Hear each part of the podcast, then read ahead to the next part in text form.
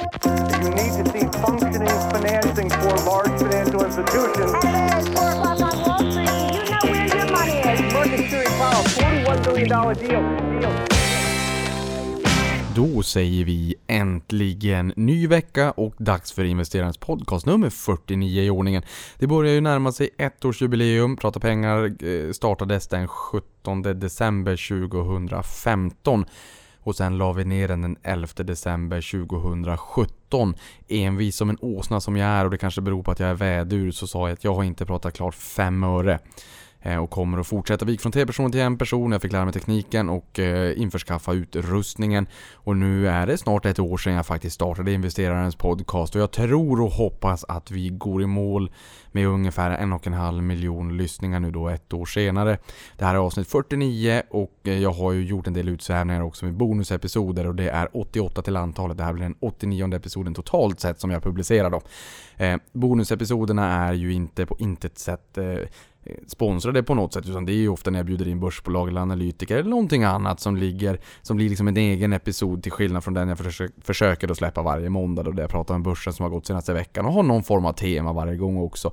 Eh, och just det här under julledigheten så kommer jag nog att sitta hemma på min kammare och fundera lite grann kring olika teman nästa år. Och alla behöver nog inte bara vara börsen. 99,9% kommer vara börsen. Men det kommer nog kunna vara något avsnitt kanske om alternativa investeringar också där jag bjuder in någon expert på något område. Ehm, och det ska inte vara någon form av gråzon utan alternativa investeringar som jag ändå kan stå för så att säga. Det finns eh, exempelvis klockor var något sånt där som jag satt på en, en julmiddag här med en bekant inom Aktiespararna och där vi pratade lite grann om aktörer på stan eh, som köper och säljer klockor. Det är en internationell eh, marknad och, och hur man ska tänka och hur man kan liksom investera på så sätt också. Nu blir det ju förmodligen så att jag ändå kommer att investera 99,99% eller kanske 101% i aktier. Men det är alltid roligt att, att höra någonting annat i någon annan värld. Det kan vara skog eller vad det kan tänkas vara. Jag tror att det kan nog kanske komma lite, lite sådana teman under nästa året också. Jag tror att jag kommer sitta och ha lite tid och reflektera och fundera och du får jättegärna tipsa också på kontaktet investerarna.com eller Ehm, bara skriva kanske på, på Twitter. Ehm, om det är så att du har något tips och idéer på vilka eh, episoder och avsnitt som jag bör göra under nästa år då. Men 49, som sagt, här om några dagar då så är det ett år sedan jag startade investerarens podcast och det ångrar jag inte en sekund. Det har varit riktigt roligt men det kommer riktigt, riktigt många fler avsnitt. Men det här med bonusepisoderna som sagt, de är inte sponsrade. Jag tror helt enkelt att jag har råd att skippa sponsringen och det här handlar om ekonomi, det handlar om pengar, det handlar om förtroende. Det känns ganska fräscht att inte ha någon reklam och marknadsföring i podden. Och sen kan jag också säga nu när vi går in i 2019 2019 så blir det det femte kalenderåret som jag poddar, vilket också är jätteroligt även om det första kalenderåret 2015 faktiskt bara var någon vecka. Men det var viktigt att få ut den innan årsskiftet för då kan man alltid säga att man har haft ett kalenderår anno 2015. Hörni, den här gången, eller den här, det här avsnittet så tänker jag att vi ska prata lite grann om investeringsregler. Jag har gjort två sådana avsnitt hos EFN i, i två delar då och pratat lite investeringsregler och jag tänker mig att när börsen skakar så här som den har gjort så kan det vara ganska bra att ha lite regler att falla sig tillbaka på. Det behöver inte vara så att man har strikta regler och sagt att så här måste jag hela tiden förhålla mig till börsen och jag kan inte bryta de här reglerna alls. Men att man har någon form av grundstomme, grundfundament och sen så kan man i sådana fall göra avvikelser från den. Men jag tror att det är nog ganska bra ifall så att man har någon form av investeringsregler att ändå förhålla sig till och det kan ju vara så som bankerna ofta pratar om när det är modern portföljförvaltningsteori med olika tillgångslag och sådär så pratar man ofta om en strategisk och en taktisk allokering. Och den strategiska i det här fallet kan väl då vara lite grann ute efter de investeringsreglerna som du faktiskt sätter upp på någon form av grundfundamentsstomme så att säga. Och sen taktiskt så kan du ju eh, lite grann bestämma hur du ska agera här och nu från dag till annan eller vecka till annan. Lite grann beroende på de lägena som dyker upp och som marknaden då erbjuder. Men att du då i det korta perspektivet kan vara lite mer taktisk av dig medan du i det lite längre perspektivet faktiskt håller dig till din eh, strategiska syn på, på din portfölj och på ditt sparande. Alltså de investeringar investeringsreglerna du då sätter upp. Nu lånar jag ju in termerna strategisk och taktisk allokering eh, i den här podden och i investeringsregler så att det går ju egentligen inte att bara extrapolera rakt av. Men det jag menar är att vi kommer att gå igenom ett antal regler för eh, hur mycket man ska spara och hur stora eller små bolagen får vara, om de ska ge utdelning eller inte. Det här kan ju vara den strategiska synen du har över tid på, på sparandet så att säga. Men taktiskt sett så kan det ju vara så att börsen skakar till eller bjuder upp till dans i form av att det skapas lägen på börsen av någon anledning och att man då eh, kortsiktigt faktiskt kan frångå de här reglerna men att man sen så rättar sig tillbaka till ledet igen. För jag tror att det är enklare att förhålla sig till och bli långsiktigt framgångsrik på börsen om man ändå har funderat igenom lite grann eh, de investeringsreglerna man tycker passar en själv. Och som jag brukar säga, det finns lika många investeringsfilosofier som det finns investerare så det gäller helt enkelt att hitta det som passar en själv allra bäst. Men sen förra veckan som vi hördes vid så har det hänt ganska mycket på börsen. Eh, vi fick en ordentlig nedgång och Eh, förra veckan blev faktiskt den tredje sämsta börsveckan 2018 med en nedgång på 4%. Och det här spelas ju in tisdag, ajabaja. Men då vet du ju också att måndagsbörsen stängde ner 1,27% men också att vi är upp ungefär 2,2% i talande stund när det här spelas in. Så det svänger ganska mycket på börsen och det kommer nog karaktärisera den här hösten och egentligen ända från februari där vi fick en ökad volatilitet. Så det har varit ganska mycket rörelser under året och det är ju också någonting som skapar lägen, inte bara för de som är daytraders och gillar volatilitet utan även för långsiktiga sparare. För att är det så att man är långsiktig, ja, förutom att det finns en sannolikhet att man får lite ont i magen när värdet förändras ganska mycket på kort tid. Så är det så att man äger bolag man vill vara långsiktig i, ja men den här volatiliteten, ja den eh, slår ju både på upp och på nedsidan men eh, främst nu då på, på nedsidan och det är klart att då skapar det lite oro som i sin tur då kan skapa lite lägen. Ehm, man ska ju vara girig när andra är rädda och man ska vara rädd när andra är giriga som det brukar sägas helt enkelt. Och sen i somras, 29 augusti var ju toppen, så är vi ner runt 14,5% ner fram till talande stund nu då. Och vi är ju mitt emellan en korrektion och en björnmarknad och sen årsskiftet är vi ner 8,97 så strax under Eh, minus 9% eh, man kan ju också påminna om att de eh, tiderna där det har varit lite sämre börs och där man också har gått in i en björnmarknad har ju mångt och mycket sammanfallit med recessioner, alltså när vi har fått fallande BNP två kvartal i rad. Och där är vi ju inte riktigt än, även om vi hade negativ BNP här i Q3 2018. Så att ett kvartal har vi faktiskt sett att det har backat. Eh, men jag tror att det är nog lite för tidigt att ropa faran, eh, varken faran över eller, eller faran här då så att säga. Vi får helt enkelt se vart börsen bär. Eh, och just det här med, med recessioner, eller om vi bara tittar på de eh, årtalen när vi har fått en riktig knäck i BNP, alltså de ekonomiska hjulen, så hittar vi 2008, 2011, 12 och 13 och så Q3 2018 då. Eh, och det här var då alltså inte eh, eh recessioner, ja det hade vi 2008. Men annars är det bara enskilda kvartal där, där eh, BNP tar en ordentlig smäll helt enkelt. Nu har ju börsen kommit ner ganska mycket och eh, det gör att börsen faktiskt har blivit billigare. Det här är ju inget självändamål eller facit i vanliga fall. Man kan inte bara säga att för att börsen och aktiekursen har gått ner så har börsen blivit billigare. För det beror ju också på vart här vinsterna tar vägen. Men just nu så ser vi att både Q3 var bra och att man ändå förväntar sig en hygglig Q4 och någorlunda okej okay, eh, vinsttillväxt under 2019. Och samtidigt så är analytikerna, de brukar vara lite väl positiva i början på året. Sen brukar man få justera ner det där under året. Men jag menar allt annat lika, om aktiekurserna faller 10% och vinsterna faller 10%, jag menar då är ju värderingen densamma.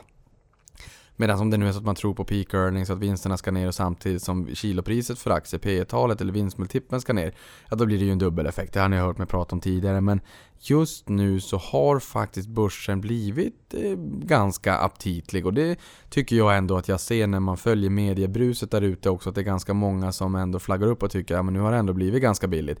Eh, gillade man eh, bolagen när OMX stod i en, en 1679,50 29 augusti, ja då kanske man kan gilla dem när index står en bit över 1400 nu då ett halvår senare, ja inte riktigt ett halvår senare. Ehm, och så är det ju såklart. Menar, är man långsiktig som sagt, plocka på kvalitet. Och ser vi OMXS30 nu då så handlas den till 13,14 gånger vinsten för 2019 förväntat och de estimaten som ligger i marknaden. 100-årssnitt eh, 14-15 säger inte så mycket om idag men ger ändå någon form av fingervisning. Ehm, sen är det klart, peak earnings om vinsterna faller, men då stiger ju P talet som en direkt effekt av det.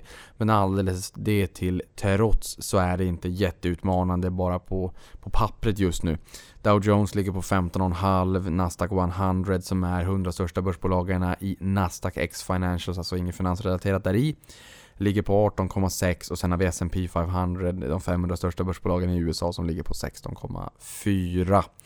Och där tycker man att eh, det har blivit lite väl billigt. Det är ganska många finanshus, nu senast Bloomberg, som är ute och säger att eh, det här är lite väl billigt. Man har diskonterat in lite väl mycket dynga och det här kommer nog förmodligen vara ett väldigt bra köpläge. Eh, och att börsen ska upp 20% menar man. Det här är såklart ingen som vet och det här får man helt enkelt förhålla sig till som investerare också. Ehm, dels så var det absolut ingen som sa köp på verkstad 16 och sen så stack de 50-100% och det dröjde ganska länge innan analyshusen började eh, ropa köp och tävla om vem som kunde höja köp eller riktkursen allra mest och sådär. Eh, så att jag tror att man, man, det är nog bättre att förhålla sig till sina egna investeringsregler eh, och till vad det sättet som passar en själv bäst och när man själv tycker om att köpa lite extra om man tycker att det gått ner snarare än bara titta vad media skriver för det kan lätt, ganska lätt bli pannkaka. Men alldeles oavsett med andemeningen och liksom medtaget här, det är väl att eh, värderingarna har kommit ner betänkligt. Eh, och vi får helt enkelt se och bevaka vad som händer med vinsten under nästa år. Skulle det bli en lösning på handelskonflikten då skulle vi nog också kunna eh, ha en rätt stor sannolikhet för ett eh, relief rally helt enkelt.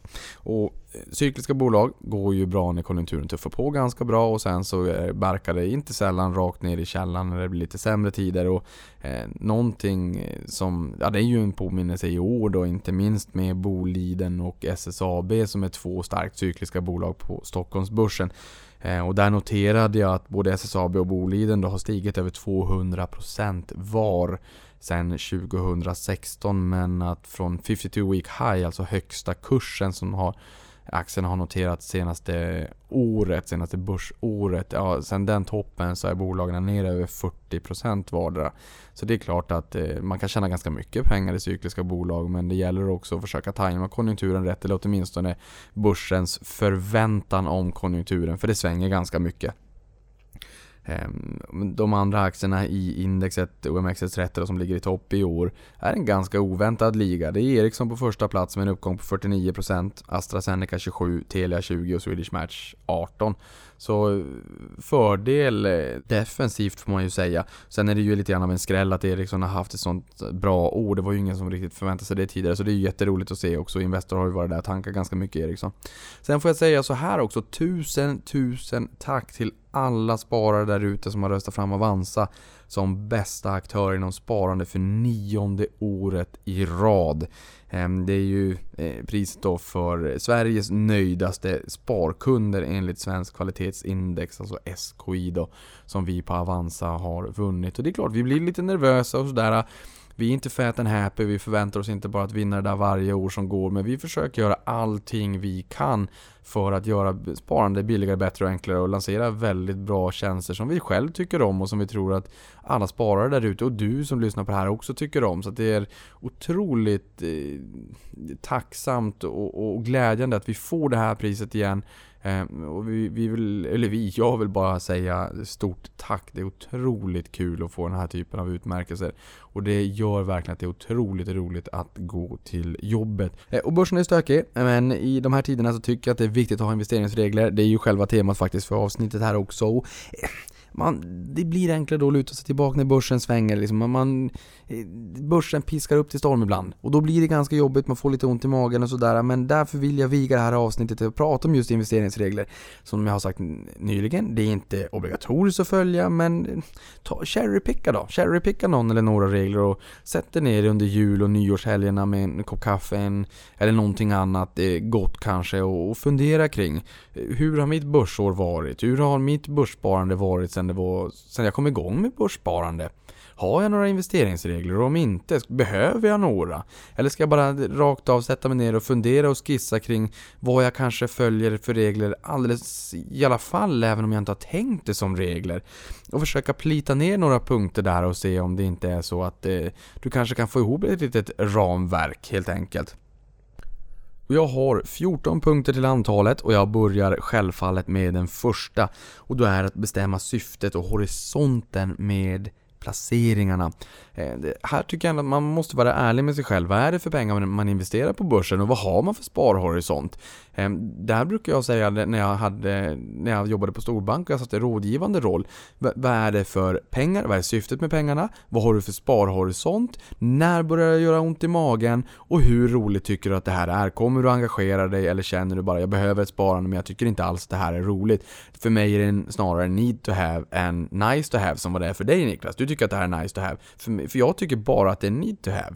Jag vill liksom kunna leva livet och uppnå mina drömmar, mina mål, mina visioner. Och för det behöver jag pengar och för det behöver jag förmodligen också spara för att kunna bygga upp det kapitalet. Men jag tycker inte alls att det är roligt, så, så säg bara hur jag ska göra.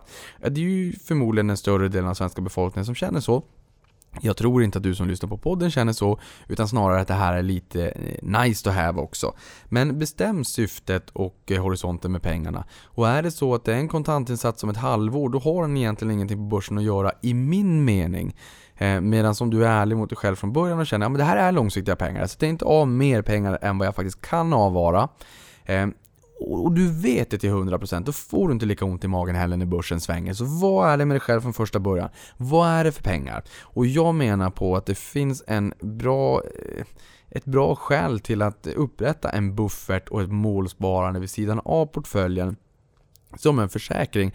Att du då inte nallar med fingrarna i syltburken och tar pengar från portföljen när du behöver finansiera någonting i livet AB för att du inte hade bufferten eller målsparande. Så var ärlig med dig själv från början, det är nummer ett bestäm syfte med pengarna och horisonten med placeringen då. Och där i kanske du också ska fundera kring, ja men hur stor del av mitt sparande ska jag allokera mot börsen? Hur mycket ska jag spara varje månad? Och är det så att jag kan spara lite mer om det är så att börsen går ner lite grann? Och, och är det så att jag eh, börjar bli lite tunnhårig, något grått hårstrå har poppat upp någonstans här och var det här med terminalglasögon kanske inte känns eh, alldeles för distant. Eh, ja, då kanske du ska fundera på om du också ska sätta av en liten slant från början om det är så att du är mitt i livet och inte har haft ett sparande sedan tidigare. Så att du liksom täcker ikapp det glappet från ungdomens dagar om du inte började då så att säga.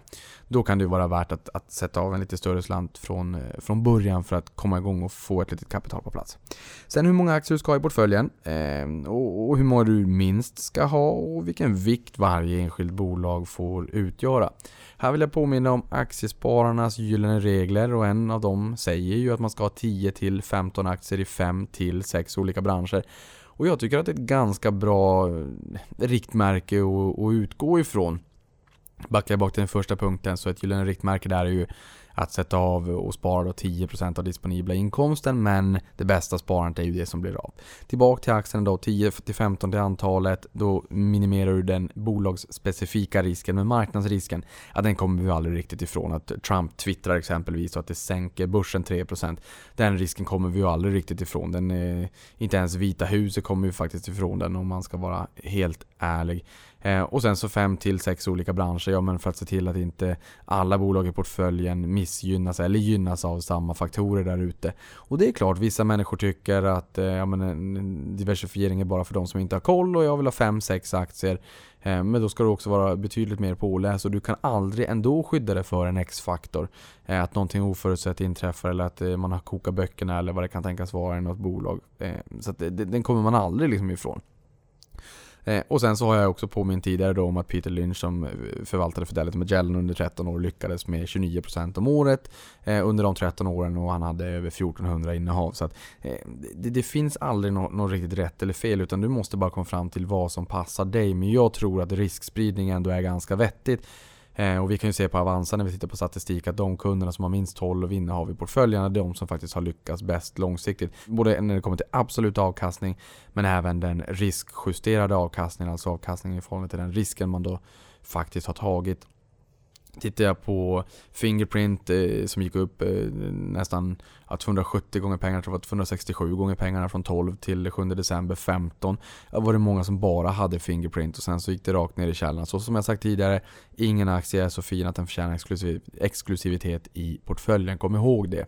Eh, samma sak med Starbreeze nu där det har varit väldigt mycket stök också. Eh, där hade vi ungefär var tionde kund hos oss som bara hade Starbreeze i portföljen, ingenting annat. Var fjärde kund hade en till tre aktier men glädjande nog så hade en tredjedel av kunderna över 12 innehav i portföljen. Så att riskspridningen är ett så enkelt sätt att sprida på risken och eh, det är så tråkigt ifall du behöver erfara den erfarenheten genom praktika istället för genom teori. Alltså att du åker på en smäll och inser att dina surt förvärvade pengar åker iväg för att det smäller i ett bolag. Så bättre att fundera kring riskspridningen redan från början. Och då också hur, hur stor vikt varje enskilt bolag får ha. För det gör ju... Om du har 10 aktier i portföljen och har 100 000 att placera eh, och istället för 10 000 i varje aktie, alltså lika viktat, så får en aktie eh, utgöra eh, den absolut största delen. Så en aktie har 90 000 kronor säger vi. Och de andra 9 aktierna, de, de får ha de sista 10. Eller vi säger att eh, den stora har 91 000 då och de sista eh, 9 aktierna de har 1000 kronor var i portföljen. Ja, det räcker ju med att den här eh, aktien som utgör en stor del faktiskt bara nyser så kommer hela portföljen gå ner. Så det är ju inte heller en bra riskspridning. Det är den här sumobrottaren på kanten på en liten eka som jag brukar prata om. Som en aktie blir alldeles för stor, den här sumobrottaren på relingen då, gör ju ganska enkelt att hela ekan tippar i det här, ner i det här iskalla vattnet och då, då sitter du där äh, med, med skägget i brevlådan. Det vill man ju inte heller. Sen kan du också fundera kring hur, hur mixen mellan stora och små bolag bör, bör se ut. Och även mellan olika listor. Stockholmsbörsen är ju large cap, mid cap, small cap, small cap upp till 150 miljoner euro, mid cap 150 miljoner till en miljard euro och large cap över en miljard euro liksom, och större så att säga. Eh, så bestäm hur allokeringen ska se ut. Och det här behöver ju heller inte vara ett facit som sagt, men fundera kring är det stora bolag jag ska ha i portföljen eller, är det lite mindre? Och också veta att storbolag och småbolag brukar dra växelvis på börsen. Nu har det varit fördel småbolag under ganska lång tid men eh, de brukar dra växelvis helt enkelt och risken tenderar att vara större i de mindre bolagen. Eh, men även den förväntade avkastningen, de brukar springa på lite snabbare för att de, de, det är enklare för ett mindre bolag eh, att växa än vad det är för ett stort bolag. Ett stort bolag kan vara moget och verka på en mogen marknad, dela ut en större del av resultatet och liksom det lunkar på. Men det här mindre bolag kan ju växa säkert ganska snabbt organiskt, alltså för egen räkning och det kanske är en bransch där det finns en strukturell tillväxt i hela branschen och sen så funderar de och tittar lite runt omkring sig och kanske gör cherrypickar och gör lite förvärv om balansräkningen tillåter. Då har du både organisk tillväxt och förvärvad tillväxt. Eh, och sen har du ju förmodligen möjligheter för det här bolaget att lansera nya produkter och ge sig in i nya marknader och en geografisk expansion och nya vertikaler. Och det finns väldigt många olika mm, möjligheter för de lite mindre bolagen att växa. Det blir lite grann som ett smörgåsbord rätt eh, utnyttjat. Sen är det ju inget fel på de större bolagen men generellt så brukar det ju vara så att de mindre bolagen har mer att göra. Eh, och det är klart att rätt utnyttjat så, så brukar det tendera också att betala sig över tid. Men det är just det här med över tid. Riskspridning tenderar ju att eh, ta ut eller spela ut sin roll lite grann när det är riktigt, riktigt surt på börsen för då faller risktillgångar ganska synkroniserat. Eh, och det som händer i lite mindre bolag också om omsättningen inte är så stor där, det är ju att det blir en ganska stor spread mellan köp och säljsida. Så att om du måste sälja, men då kanske köparna ligger flera procent under eh, senaste avslut eller vad du är beredd och, och, och vill ha betalt. Alltså om du lägger ut på 100 kronor kanske köparen säger nej glöm det, 95 max. Eh, där blir det en ganska stor spread medan det brukar vara en väldigt, väldigt, väldigt liten spread mellan köpare och säljare på, på större eh, bolag i aktier som omsätts i mycket, mycket mer då, så att säga. Så det är också en, en risk såklart att när kapitalet och likviditeten torkar upp där ute så brukar det kunna spreada isär ganska ordentligt på de lite mindre bolagen. Och då vill det se till att man kan sitta still i båten och rida ut en eventuell börsstorm. Men måste man sälja då finns det ganska stor sannolikhet att man blir lite eh, lite squeezad för att eh, låna in en term som egentligen inte passar i sammanhanget. Och sen bör du också då fundera på när du ska omplacera. För att om det är så att ett bolag går väldigt bra och blir den här sumobrottaren på, på relingen på en liten eka eller lite mat i den här båten så äter den här personen upp all mat och blir liksom jättestor och bastant sådär. Ja, då kanske man bör fundera på hur man då ska omvikta för att den här personen inte ska bli så stor och, och utgöra en så stor del av portföljen och utgöra en latent risk då så att säga, att man då inte vill falla i vattnet. Eh, samtidigt så, så, brukar man ju säga att man ska behålla vinnarna och sälja förlorarna och då är frågan så här, jaha, hur gör man då då?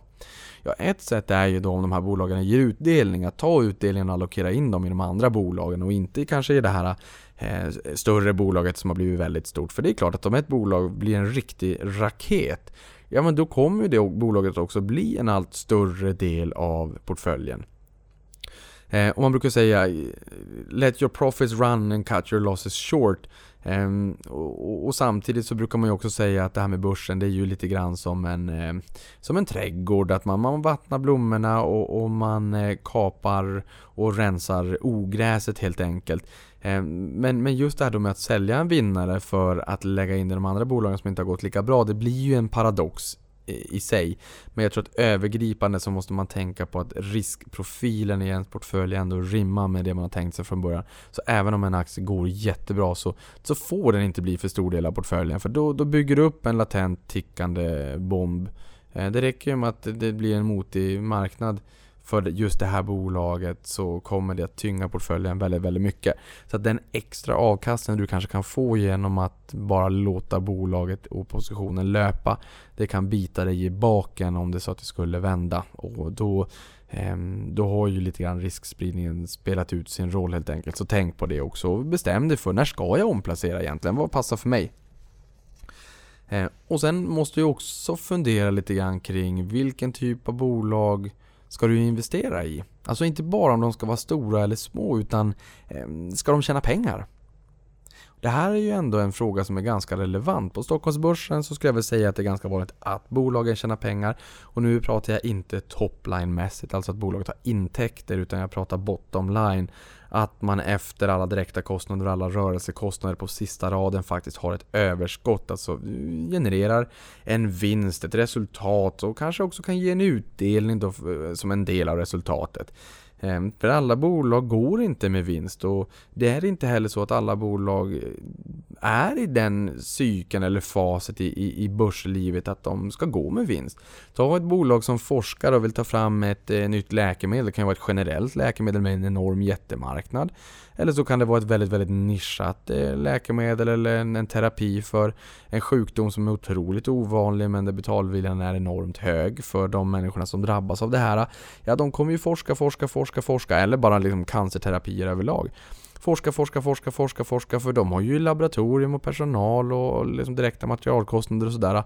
Ehm, och det är klart att de kommer ju bränna de där pengarna, ta in nya pengar, bränna dem, ta in nya pengar och bränna dem och till slut då om det är så att de når ett genombrott då förstår ju både du och jag att det är ju en enorm potential på uppsidan. Och det kanske är lite grann att den typen av aktier är lite lördagsgodis så att eh, det inte är några konstigheter kanske om man nu vill ha den typen av bolag i portföljen om de nu utgör en lite mindre del och att du äter maten först. Först mat och sen lördagsgodis. Eh, först kanske en stabil bas av stabila bolag eller en bottenplatta med en indexfond om du så vill. Och sen kan man cherrypicka på bolag kanske som inte tjänar pengar bottom line men där man tror att potentialen är ganska hög helt enkelt. Men fundera kring det själv. Tycker jag att det är ett krav att bolagen eh, ska, eh, ska tjäna pengar? Eh, och i sådana fall om jag tycker att det är okej, okay, hur stor andel av portföljen får utgöras av, av bolag som faktiskt inte tjänar några pengar? Eh, sen någonting annat du bör fundera på det är också om du ska undervikta aktier och bygga kassa i tron om sämre tider. Och i så fall, hur, hur stor får den här kassandelen vara? Jag tycker ju att, jag är ju buy and hold och jag köper ju löpande hela tiden och jag är i princip alltid fullinvesterad. Men det är klart att om börsen stökar och faller lite grann, ja, men då brukar jag tendera att kunna köpa lite mer. Jag vet ju att korrektionen de senaste årtiondena brukar gå ner 13% vara i 71 handelsdagar ungefär. Eh, och det är ju där vi ligger just nu. Det är klart att jag tycker att det är ganska aptitligt nu när värderingarna har kommit ner och sådär. Och jag är ju inte en fatalist utan jag tror ju att solen går upp imorgon också. Och för mig spelar det ingen roll om det är så att vi fortsätter neråt lite grann ytterligare. För att jag köper på vägen ner och sen så när vi är tillbaka på plus minus noll då kommer jag vara på plus plus. Eh, och ingen kommer komma ihåg värderingen 2018 när jag ska använda pengarna om 10, 20, 30, 40 år kanske. Då är jag 71 ja. Ja, det kan jag också nog tänka. Eh, och någonting annat som är trevligt det är ju att utdelningarna i portföljen eh, de tenderar att vara betydligt mindre volatila än vad börsen är. Jag vill påminna om det avsnittet om utdelningar som jag gjorde för herrans länge sedan. Eh, där jag insåg då att det bara var Swedbank, SEB och Electrolux som slopade utdelningen under 2008 finanskrisen. Ehm, så att det, det, är ändå ganska ovanligt att eh, man faktiskt slopar utdelningen. Den rör sig betydligt mycket mindre än vad aktierna rör sig. Ehm, helt enkelt. För aktierna är ju ett derivat på förväntningarna om bolaget och framtiden medan utdelningen det är ju, det är ju liksom fakta. Det är ju ofta en andel av vinsten. Den bryr sig ju inte om hur börsen värderar vinsten, vilket P tal börsen sätter på bolaget och sådär. Och eh, vad, bolaget, eller vad börsen då tror om framtiden. Utan utdelningen är ju konkret en andel av resultatet alldeles oavsett hur börsen värderar resultatet. Det svänger betydligt mycket mindre helt enkelt. Men om det nu är så att du försöker tajma börsen, även om det, jag tycker att det är svårt att hoppa från tuva till tuva, men om, eh, det, jag ska inte säga att det är omöjligt kan du också fundera lite grann på hur stor kassandel får jag ha? Är det som fonder att jag kanske ska ha säg 10% då? Eh, och, och, att eh, jag kan tajma lite grann och om det då faller så kan jag köpa in mig lite mer. Eller ska jag rent ha 25% kassandel från tid till annan om jag är lite bäsig kring, kring börsen? Vad, vad, hur, hur förhåller jag mig? Det är för att det är mycket, mycket enklare att sätta upp de här reglerna när du har ett nyktert förhållningssätt till börsen än när du blir eh, pressad. Jag var själv på ett eh, Ehm, eh, på, på Escape Room heter det, det där med en teambuilding med min grupp och sen skulle man, en grupp skulle bryta sig in i ett rum och en grupp skulle bryta sig ut ur ett rum och det var alarm och det var signaler och det var tidspress och det var det ena och det var det femte och jag insåg själv hur dum man blev och liksom hur IQ, IQ föll rakt ner genom källaren under press och det är samma sak på börsen också. I pressade situationer så kommer du göra betydligt mycket sämre beslut. Därför är det väldigt, väldigt bra att i ett nyktert eh, tillfälle med en nykter eh, förhållning till börsen sätta upp regler som du kan luta dig mot sen när börsen skakar. För det kommer vara mycket enklare. Det är också som man brukar säga när det kommer till, ja men om det är så att man är sambo, det är, alla är så kära och allting och man kommer aldrig bråka och så. Men det är förrän man börjar bråka, så att säga. Så det är bättre att ha de avtalen på plats när man är vänner helt enkelt. Samma sak gäller på börsen. Det är bättre att vara vän med din strategi när du är nykter än när, när börsen sätter en enorm press på dig och det gör riktigt, riktigt ont i magen för den typen av tillfällen kommer också att komma. Sen har vi eh, frågan kring om det är så att du tycker att eh, dina bolag ska ge utdelning. Måste alla bolag ge utdelning? I så fall eh, finns det något krav på eh, portföljens aggregerade direktavkastning? Eh, jag tycker inte att det behöver i, i, min värld vara ett krav på att bolaget ska ge utdelning men då ska man ju också vara väldigt noga med att de pengarna som bolaget inte delar ut, hur använder man dem? Då får man en bra räntabilitet på det investerade kapitalet på de pengarna man sätter i arbete som man, man behåller istället för att dela ut till aktieägarna. Ja men gör de det, sätter de det där i arbete. Vad kan jag få idag på, en, på bankboken? Ja, nu är bankboken ganska ovanlig. I Sydkorea hade de ju fortfarande kvar den. Det finns de som har kvar bankboken i Sverige också. Ehm, ja, säg max 1% då och inflationen är över det så att det är ju en förlustaffär. Ehm, är det så att bolaget kan generera 10, 15, kanske till och med 20% ja men låt pengarna vara kvar i bolaget då. Om det är så att du litar på bolaget, bolagsledningen och att det de säger också kommer materialiseras men annars kanske du inte hade ägt aktierna från första början. Ehm, är det så att de är duktiga på att sätta pengarna i arbete och fick ordna en bra räntabilitet på dem, låt dem i sådana fall vara kvar i, i bolaget.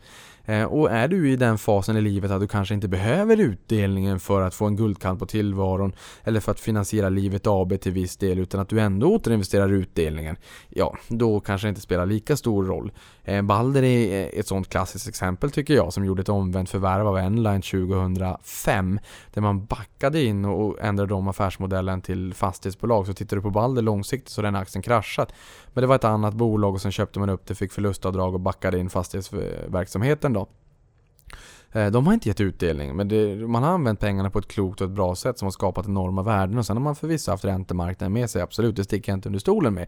Men lik förbaskat i slutändan så har det varit ett fint värdeskapande och de har inte gett utdelning. Samma sak med Warren Buffetts Berkshire Hathaway har också levererat 2,4 miljoner procent, vilket är 20,9 procent om året sedan 1965 inte heller gett utdelning. Så att det är inte så här, det, det, snarare, och speciellt om du är ung, det är totalavkastning som är det viktiga. Kurstillväxt plus utdelning. Sen när jag senare i livet så kommer jag absolut försöka tilta min portfölj mot eh, direktavkastning. För då kanske jag också vill ha en guldkant på tillvaron och inte bara inkomst av tjänst utan inkomst av kapital också.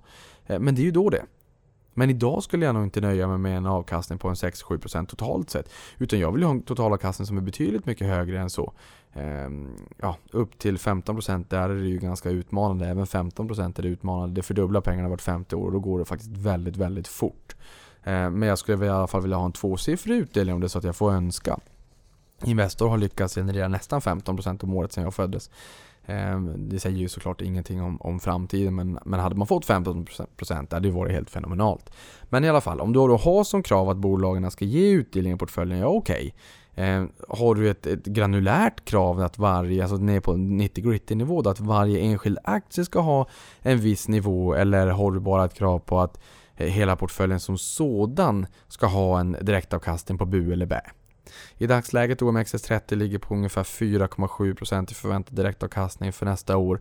Ehm, och det är ju klart att eh, eh, bankerna drar ju förvisso upp det där. Men om du säger att du har ett krav i din portfölj om att direktavkastningen på, på, på portföljen ska vara 5% Ja, det innebär ju inte att du inte kan ha bolag som ger 3% direktavkastning. Men då måste du ha några som ger eh, mer än 5% för att snittet ska bli 5%.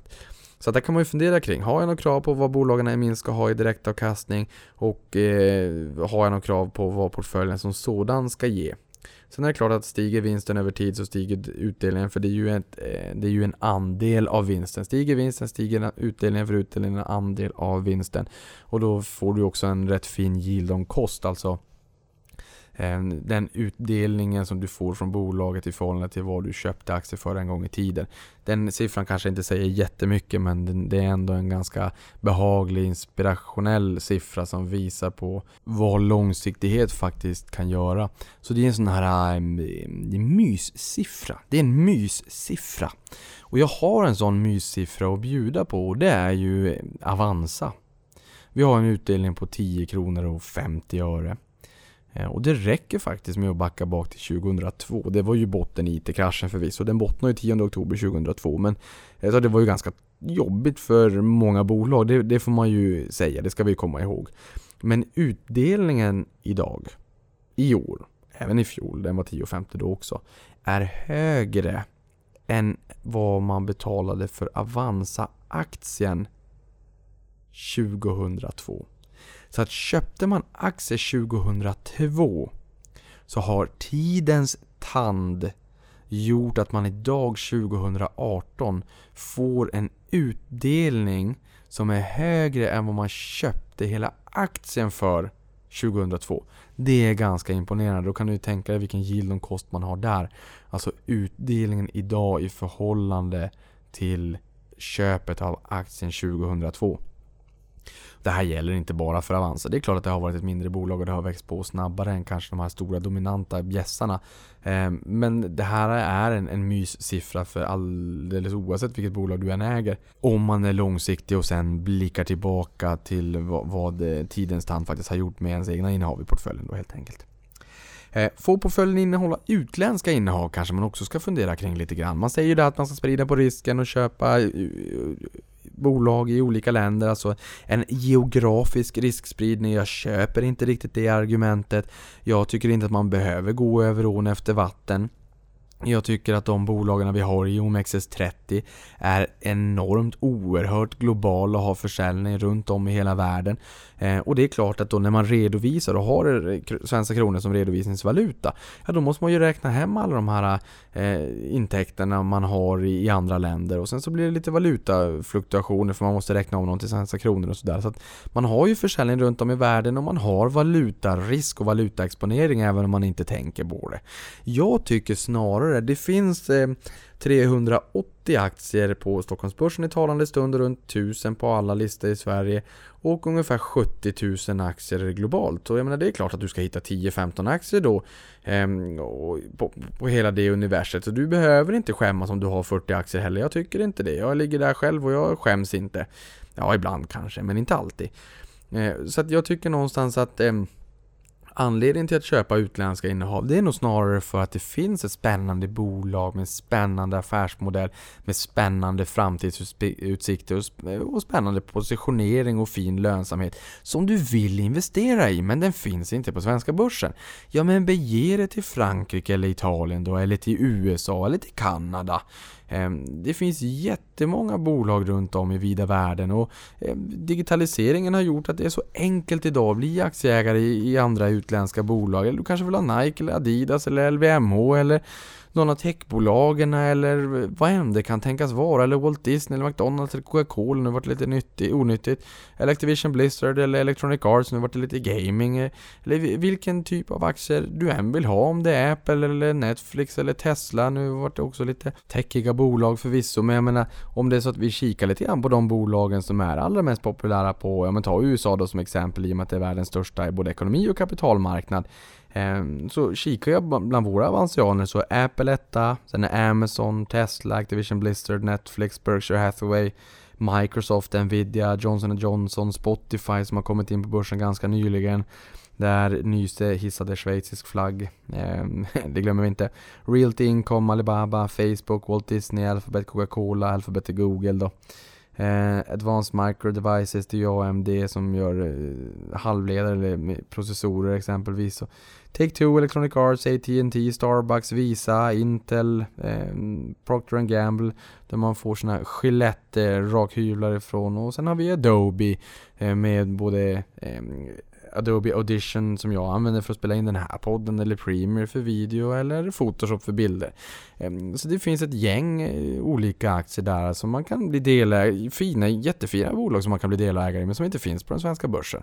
Är det så att du är nyfikna på, eller nyfiken på vilka bolag som är eh, populärast bland våra avansianer så kan du gå på avanza.se aktier så kan du välja de olika länderna och klicka på, på ägare så, så filtrerar den efter de aktier som är mest populära. Du kommer in där även om det är så att du inte är kund i Avanza, så alltså, det kostar ingenting. Så du kan bara gå dit och kika om du vill ha lite inspiration. Och det finns många spännande bolag där ute i vida världen. Nu bara för att det finns väldigt många ägare så betyder det ju inte att det är väldigt bra bolag, att de kommer gå bra eh, framgent. Men, men det är ju liksom ett sätt att få lite inspiration i alla fall. Eh, så att fundera kring, får portföljen innehålla utländska innehav och i sådana fall är det någon bestämd andel av totalen som får vara utländska innehav. Jag vill att du kommer ihåg att det finns en valutadimension och att eh, det är växlingsavgift exempelvis om man köper utländska innehav via oss. Eh, och valutadimensionen där, man tar och köper en aktie för ehm, 100 dollar säger vi och det är klart att då hoppas du att den där investeringen går upp och går den upp till 110 dollar, bra, det är 10% vinst. Har då dollarn också stärkts, jag menar då blir det ju ännu bättre för det du gör när du köper en, en utländsk aktie det är ju dels att du köper det här amerikanska eh, bolaget för 100 dollar och sen säljer du svenska kronor och köper amerikanska dollar för det är ju i den valutan som den här tillgången är eh, denominerad, alltså noterad i. Det gör man ju inte, man tänker ju inte på det men det sker per automatik. Så att du köper både den amerikanska aktien och du köper amerikanska dollar och de köper du genom att du säljer svenska kronor. Så om du då har en aktie som stiger 10% i värde och dollarn som stärks 10% mot svenska kronan eller apprecieras som vi säger.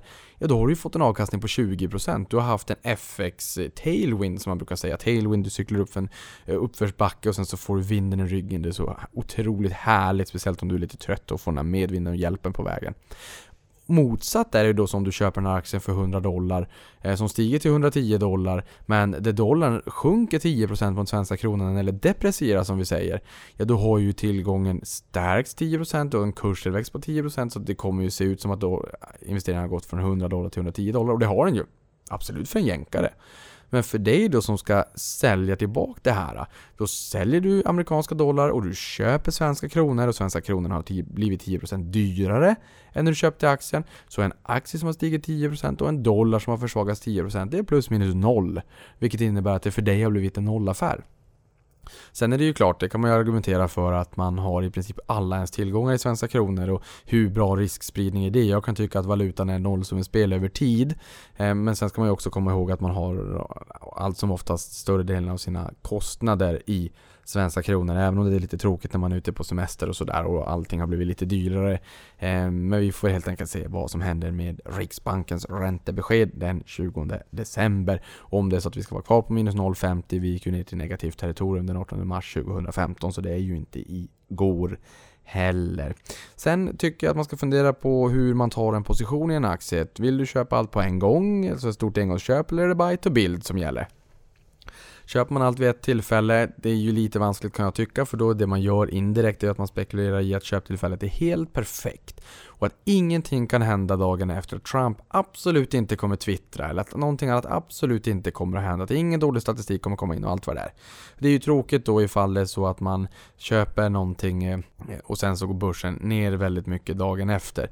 Eh, då ångrar man sig lite grann så varför tusan gjorde jag? Varför satte jag mig vid datorn och köpte de här aktierna? Varför gick jag inte bara till stan och, och, och satte mig på det här fiket? Tog en fika med min kompis som jag egentligen hade planerat. Herregud, det var dumt av mig. Eh, så att köper man vid ett större engångstillfälle då är ju, det blir en liten delikat balansgång. Så att där kan jag tycka, precis som Jim Cramer i USA brukar säga, så här, buy to build. Eh, vet du mer om att du har läst på kring ett bolag och vill ha det i portföljen, men köp en tiondel av en normal position då i portföljen. Och sen så köper du vid flera tillfällen. Är det så att, börs, att aktien sen steg, ja men grattis, du, du tänkte väl rätt där då. Och, ja, det, de, den positionen du har tagit, ja men den har ju stigit lite grann. Och den positionen du köper nu, den blir lite dyrare. Men ska du äga bolaget långsiktigt, ingen kommer komma ihåg värderingen 2018 om 10 år. Det, det är ju bara Eh, glömma det. Ja, i och för sig, vi kommer ihåg börsen, vad, vad den var värderad i botten 2008 under finanskrisen. Om du insisterar. Men eh, du förstår min poäng. Över tid, långsiktigt, så kommer ingen komma ihåg dagens värdering. Och är det så att du köper vid ett flertal tillfällen, jag menar den värderingen du köper in det på kommer bli ett kok ihop av alla köptillfällen. Och är det så att portföljen stiger och innehaven du köper också stiger, ja men för varje gång i framtiden du köper på det så kommer du köpa dyrare och du kommer ju snitta upp det. Det är liksom, that's the name of the game. Speciellt långsiktigt när man, man köper mer i de bolagen som förhoppningsvis är bra, förhoppningsvis skapar aktieägarvärde och förhoppningsvis stiger över tid. Då blir det också dyrare. Då kanske man någonstans känner att, men varför köpte jag inte allting från första början? Ja, det är enkelt att säga efterhand. Nummer ett, du hade inte alla pengar från första början. Eftersom att om du sparar löpande.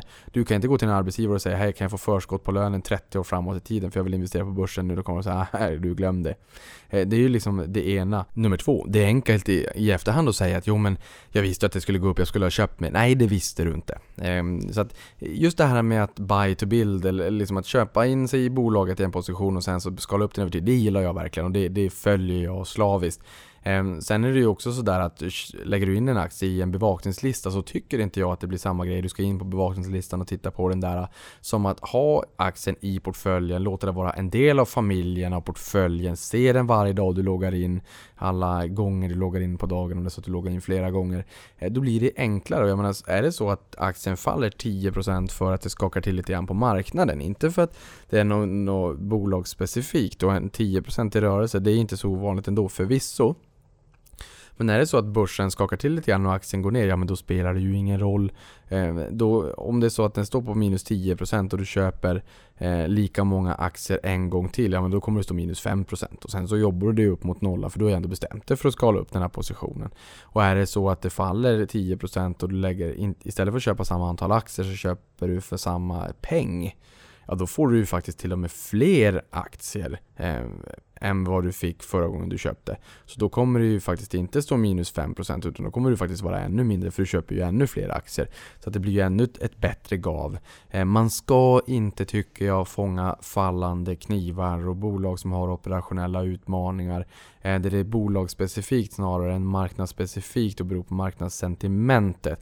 Så det är en viktig distinktion det här med att eh, köpa och, och, och snitta ner sig och skala in sig i bolag om börsen är sur och sentimentet är surt än om det är så att det är ett bolagsspecifikt problem med bolagsspecifika utmaningar, alltså operationella utmaningar. Ta Starbreeze som exempel som har totalt kollapsat.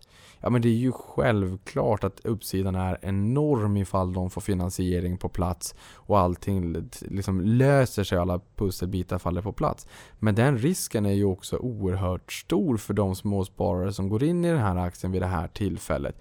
Där tycker jag nog att det är att fånga fallande knivar och det är nog en underdrift. Jag behöver nog inte skämmas för att eh, säga så heller.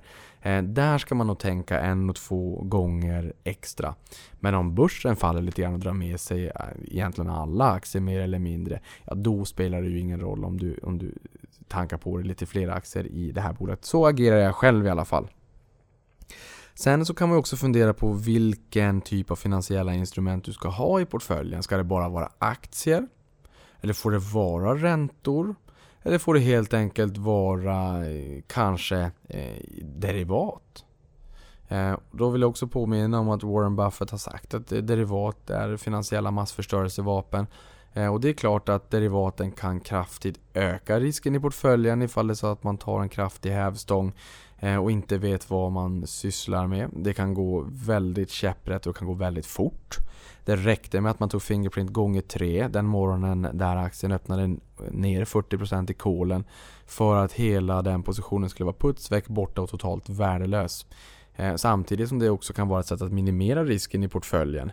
Kanske för att hedga valutan om man vill köpa utländska aktier men man tycker valutan är lite dyr. Eh, eller starkt och snarare eller om det är så att man vill skydda sig på nedsidan vid ett eventuellt börsfall och köpa en liten försäkring i portföljen så att man kan tjäna pengar om börsen går ner. Och sen tar man den vinsten så köper man fler aktier i de aktier man redan äger. Man kan alltså sänka risken. Men det gäller ju också att, man vet vad man sysslar med. Jag eh, använder inte det på något sätt men jag menar inte att det behöver vara dumt att använda det men man ska nog ändå tänka igenom en och två gånger extra och veta vad man faktiskt gör. Om det är så att man ska hålla på med eh, derivat. Det kan vara optioner eller terminer eller varanter eller turbovaranter eller futures eller forwards eller vad det än är. Bara att man har koll på vad man sysslar med helt enkelt. Sen är ju nästa fråga om man får använda belåning. Eh, och belåning här i, i, olika typer av derivat också. Eh, alltså inbyggd belåning, då ska man också ha koll på om det är daglig eller lång hävstång. För är det daglig hävstång, ja då, då, då går det mycket, mycket snabbare neråt också när, när börsen går ner. En lång hävstång, ja den, då är det ju liksom en påse pengar som sätts in vid ett enda tillfälle. Men om det är så att eh, att eh, om man köper en, en, produkt med en daglig hävstång Då fyller man ju på den och nollställer den hävstången eh, varje dag Vilket innebär att det blir väldigt kraftiga rörelser uppåt men även väldigt kraftiga rörelser nedåt. neråt Så man ska vara lite försiktig helt enkelt Sen har vi ju den normala belåningen eh, Men att belåna ens värdepapper eh, Det har vi ju på Avanza Eh, och, och, där skrev jag ett blogginlägg här tidigare också och jag använder förvisso belåning men jag ser det ju mer som en flexibilitet att kunna köpa aktier precis när jag vill utan att vara beroende av lönen och pengar in varje månad. Men jag är ju extremt strängt kalkylerande nyttomaximerande och jag vet ju att om det är så att jag belånar mig så kommer jag att kunna köpa en aktie säg 15 i månaden om det så att börsen bjuder upp till dans. Men den eh, är ju reglerad sen när lönen kommer den 25. Men vet man med sig om att man kanske slirar på, på det här och kan börja missbruka eh, belåningen då ska man ju vara ärlig mot sig själv och inte använda det överhuvudtaget. Och det är nog ingenting som gemene man eller alla nybörjare ska springa till heller eh, tycker jag. Utan det är ett komplement, det är en möjlighet men det är inte en självklarhet att man ska använda belåning i sitt sparande. Så att var försiktig. Och belåning då, då kanske man, man ska fundera på om det är nu så att man ska använda belåning. Ja men hur hög skuldsättning får man ha och när? Om vi säger att man har maximalt, som jag kan tycka, max 30% belåningsgrad. Ja men när får det vara 30% då? Är det på toppen när börsen har gått upp väldigt mycket eller är det på botten inom citationstecken, det kan man ju aldrig riktigt veta, när börsen har gått ner väldigt mycket. Om börsen har gått ner 20, 25, 30, kanske 40% då är sannolikheten ganska stor att inom en ganska snar framtid så kommer börsen pigna, pigna på ganska mycket. Så har det alltid varit historiskt. Men faller någonting från 100 kronor 50% ner till 50 kronor ja då ska ju den 50 kronan upp 100% för att ta sig tillbaka. Så ofta så blir det väldigt stora procentuella rörelser tillbaka åren efter en riktigt dålig börsperiod.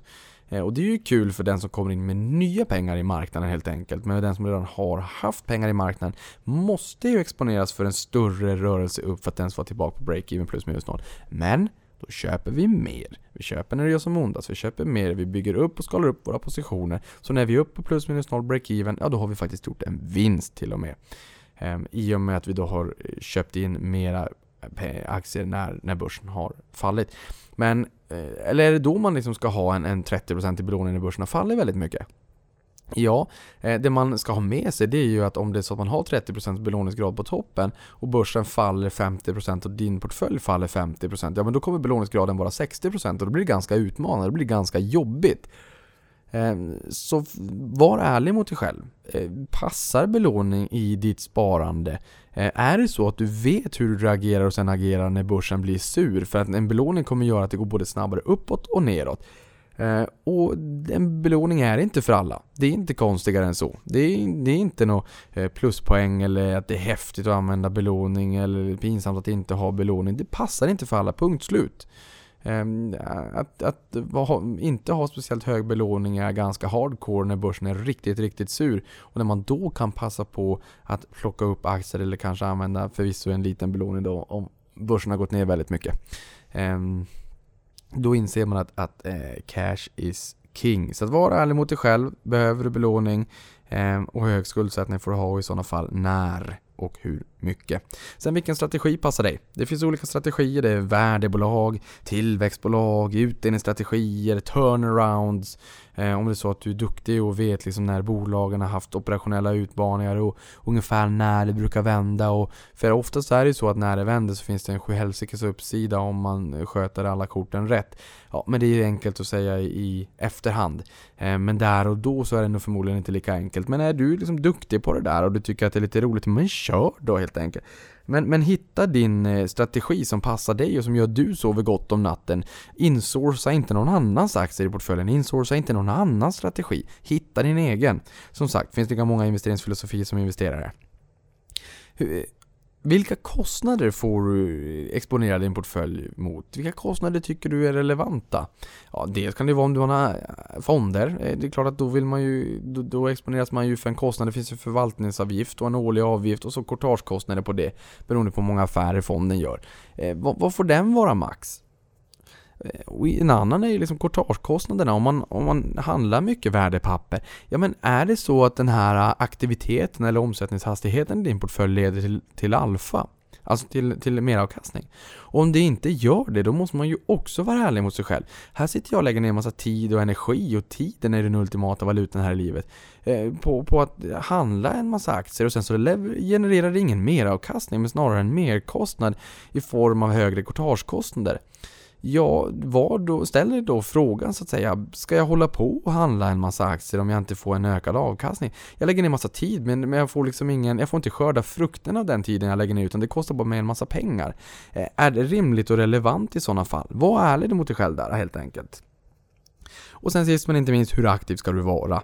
Eh, och den faller väl lite grann in i de här kostnaderna Och Just det här om transaktionsintensiteten då genererar alfa. Om inte är det värt kostnaderna. Det här med kostnaden att exponera sin portfölj mot, där vill jag också påminna om skalavgifterna som i princip alla storbankerna har på kapitalförsäkringar. Jag tror inte Nordea har det. Men där man tar 0,3 upp till 0,75% av kapitalet varje år. Eh, det är totalt bedrövligt.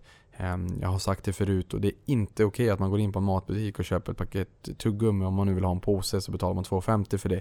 Men om det är så att man köper en oxfilé eller storhandlar då får man betala 50 spänn för den där påsen. Och inte nog med det. Du får göra det för resten av livet varje år och värdet i den här påsen blir bara större och större över tid. Så att det är, det, det är ganska mm, sannolikt om du är ung och om du sparar en lite hygglig slant varje månad, det kan bli miljonbelopp du betalar i avgifter. Och ingen bank kommer vara så ärlig och transparent att man visar upp vad det här blir. Eh, och ingen kommer säga när du ska gå i pension eller när du ska använda pengarna, tack för ett yrkesverksamt liv eller spar, sparkarriär eller vad det kan tänkas vara.